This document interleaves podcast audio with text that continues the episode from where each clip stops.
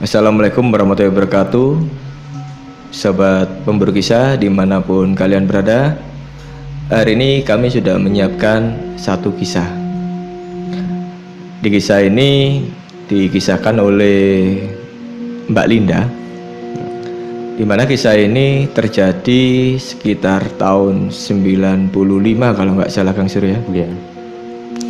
Sebenarnya ini berhubungan dengan salah satu mitos, mitos atau kepercayaan ya di sebuah keluarga yang mana kita tidak boleh keluar di waktu surup kalau orang Jawa bilang atau apa ya petang hari ya Menjelang senja. menjelang senja. Oke untuk selanjutnya monggo Kang Surya diceritakan kisah Oh, iya. dari Mbak Linda ini. Oke, terima kasih Pak Jack ya. Jadi kapan hari memang kita dapat cerita dari Mbak Linda ya. Waktu itu sebenarnya Mbak Linda masih apa ya masih di sekolah menengah ya, sekolah menengah. Jadi ya waktu itu saya kebetulan eh, orang tuanya ini ada dinas di luar kota. Jadi ya dengan terpaksa Mbak Linda ini dan adik-adiknya kebetulan dia punya beberapa adik yang jaraknya ya agak jauh ya. Bahkan sampai ada yang paling kecil ini sebut saja namanya catur itu ya. Itu dia itu usianya ya masih apa ya masih SD baru menginjak SD mungkin baru dari taman kanak-kanak ke SD gitu. Jadi ya karena jarak usianya yang apa ya terpaut jauh adik-adiknya masih kecil semua sementara Mbak Linda sendiri sudah apa ya remaja gitu akhirnya sama orang tuanya ini mereka dititipkan ke rumah neneknya. Jadi ya apa ya di di perbatasan desa gitu. Karena memang kebetulan dinasnya mungkin agak lama jadi ya jarang menjenguk. Akhirnya mereka pun ikut sama neneknya. Nah, kebetulan eh, rumah neneknya Mbak Linda ini waktu itu tahun-tahun segitu ya di pedesaan yang memang masih cukup asri. Jadi antar rumah satu dengan rumah yang lain itu tidak berdempetan, tapi selalu ada jarak, selalu ada pekarangan, apa ya pekarangan yang ter yang banyak tanaman, banyak semak belukar dan juga tanaman-tanaman buah biasanya. Jadi ya bagi Mbak Linda terutama juga adik-adiknya itu ini adalah suatu pemandangan yang menyenangkan karena mungkin dulu mereka di rumah bersama orang tuanya ya jarak antar rumah mungkin dengan tetangga itu ya hanya dibatasi oleh pagar tembok atau mungkin pagar besi itu ya. Juga depan rumah itu sudah jalan yang agak rame lalu lalang kendaraan.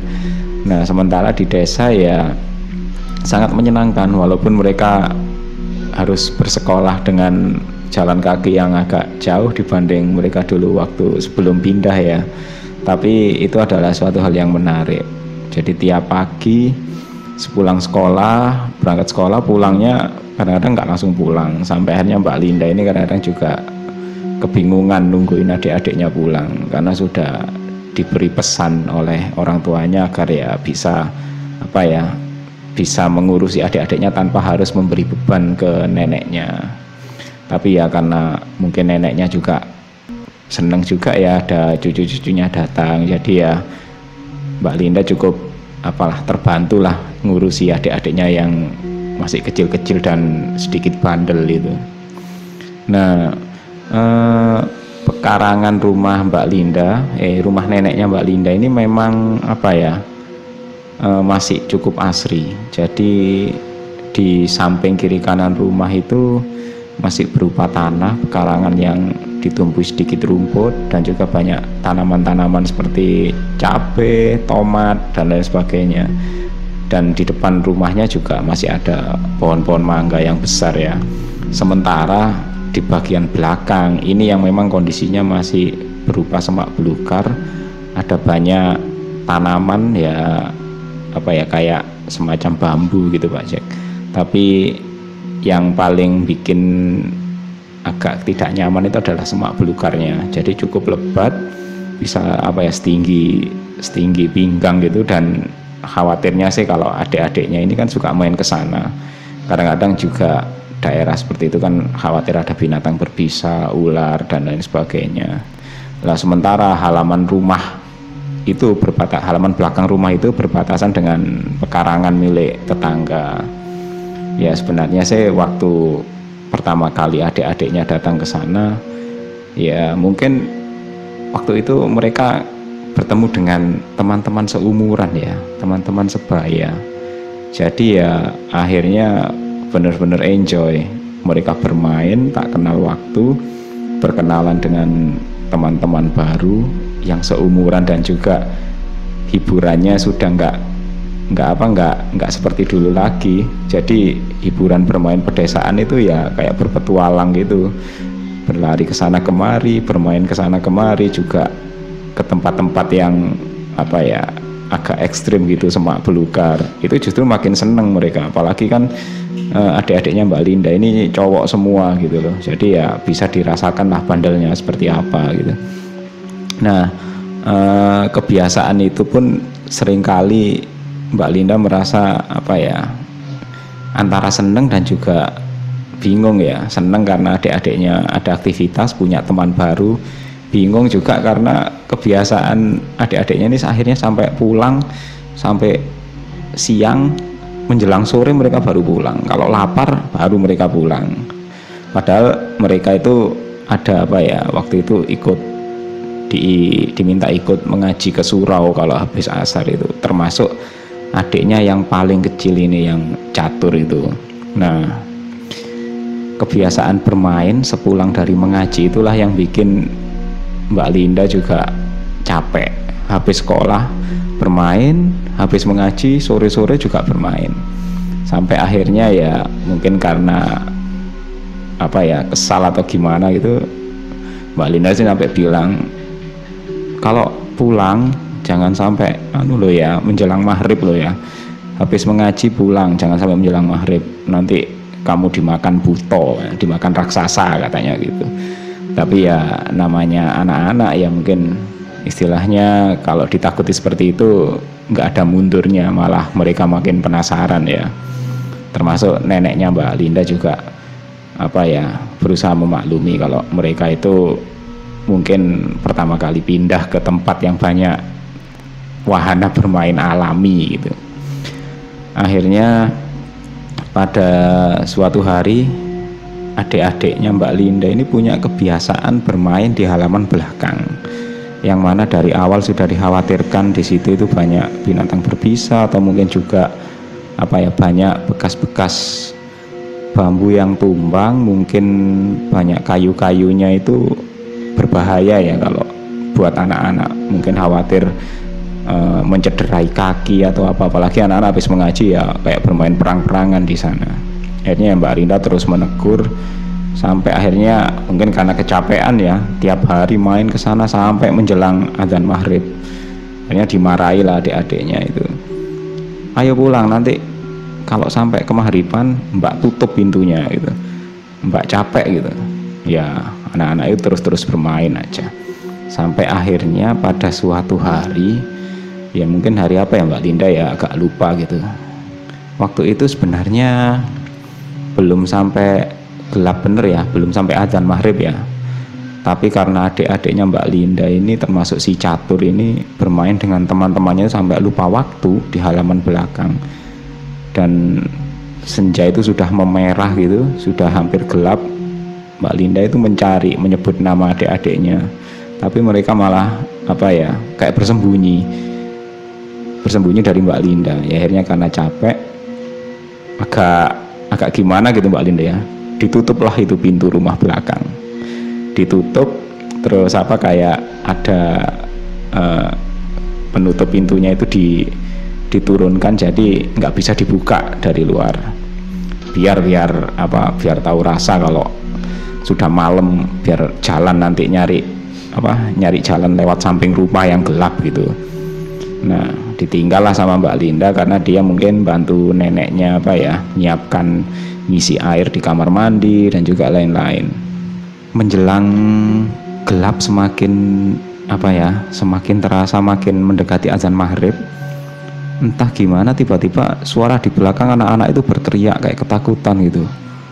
Wah, wah antara apa ya bukan suara seperti anak apa ya anak yang mungkin menjerit terus kemudian teman-temannya juga berlarian gitu. Mereka berlari bahkan adik-adiknya Mbak Linda ini menggedor-gedor pintu. Pintu yang ditutup oleh Mbak Linda digedor-gedor. Burak burak burak burak mbak mbak buka pintu buka pintu gitu. Mbak Linda cuek aja biar paling anak-anak apa ya istilahnya bergurau pura-pura apa ada ular atau apa biasanya dibiarin saja sama Mbak Linda. Ayo buka pintu. Akhirnya sama neneknya pun ya sudah bukain. Kasihan adik-adikmu nanti di luar malah muterin rumah juga kesandung nanti. Oh iya akhirnya dibuka sama Mbak Linda. Dan tampak adik-adiknya itu langsung berlarian masuk. Termasuk yang paling kecil si catur itu kayak apa ya mukanya pucat menggigil gitu. Jadi sepertinya sangat ketakutan.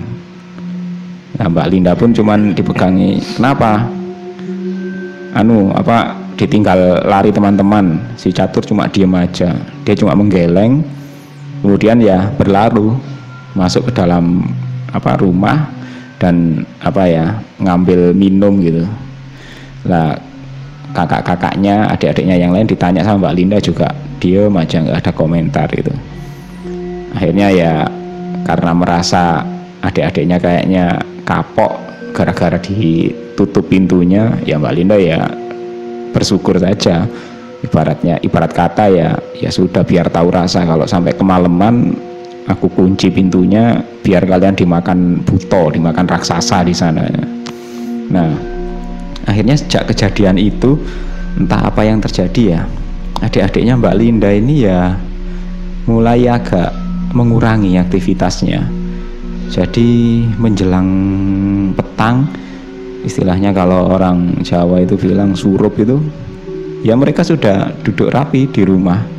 Masuk ke dalam rumah ya mungkin apa ya eh, biasanya jarang sih kayak beraktivitas kayak nonton TV dan lain sebagainya. Eh, waktu itu kayaknya anteng semua di depan televisi sambil menonton. Kalau di televisi kan waktu itu biasanya ada kayak azan maghrib itu ya. Ya semua anteng semua kayak kayak ndak seperti biasanya gitu sampai akhirnya Mbak Linda pun ya ya seneng juga sih adik-adiknya nurut. Apa mungkin gara-gara kemarin dikunci pintunya jadi mereka kapok gitu. Sampai akhirnya waktu makan iseng-iseng Mbak Linda nanya isi catur si adik paling kecil itu.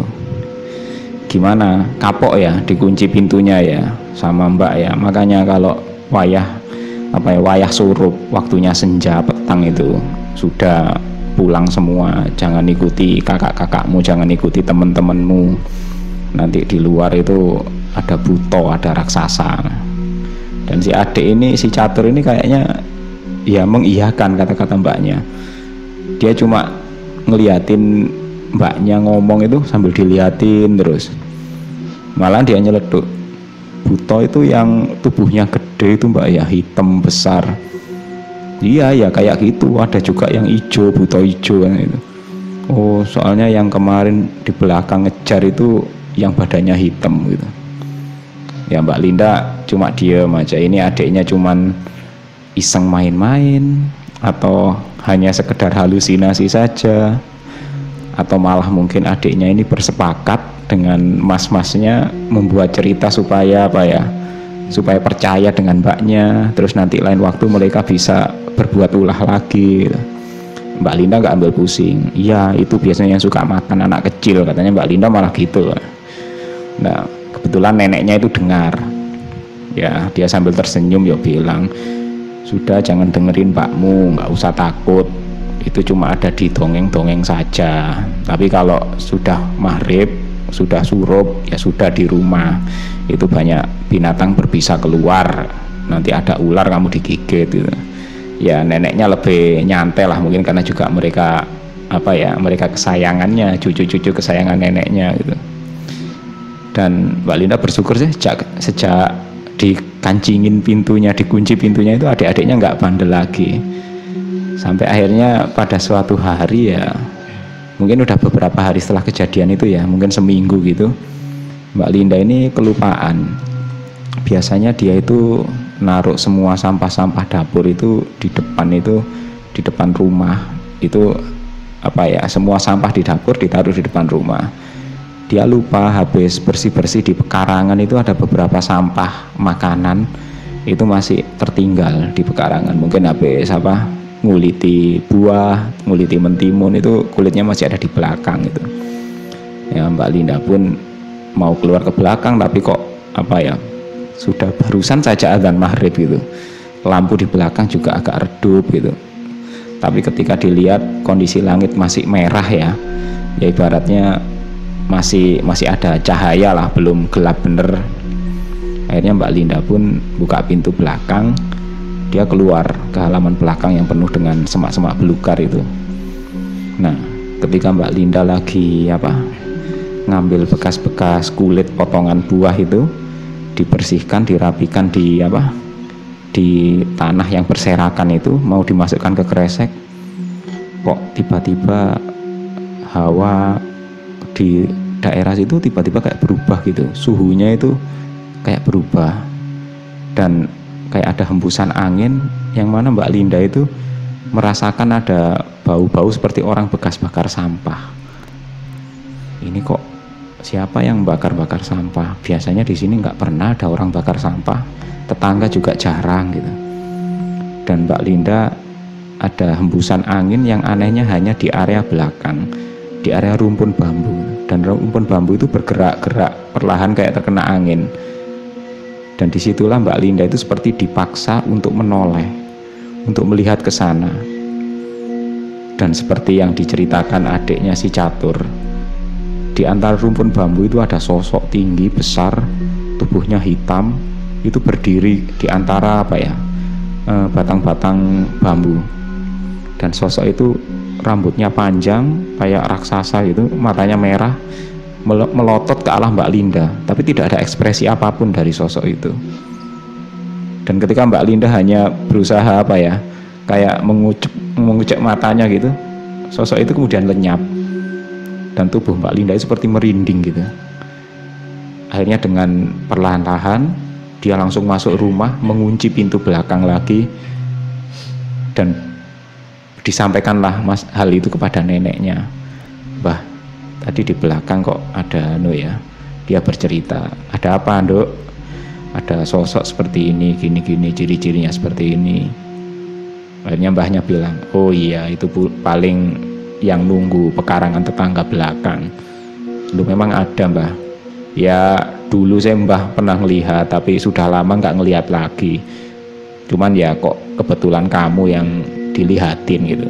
Akhirnya Linda juga cerita mbak Linda kemarin si Catur sama yang lain juga dilihatin mbah oh ya sudah. Akhirnya sama mbahnya disuruh apa ngunci pintu.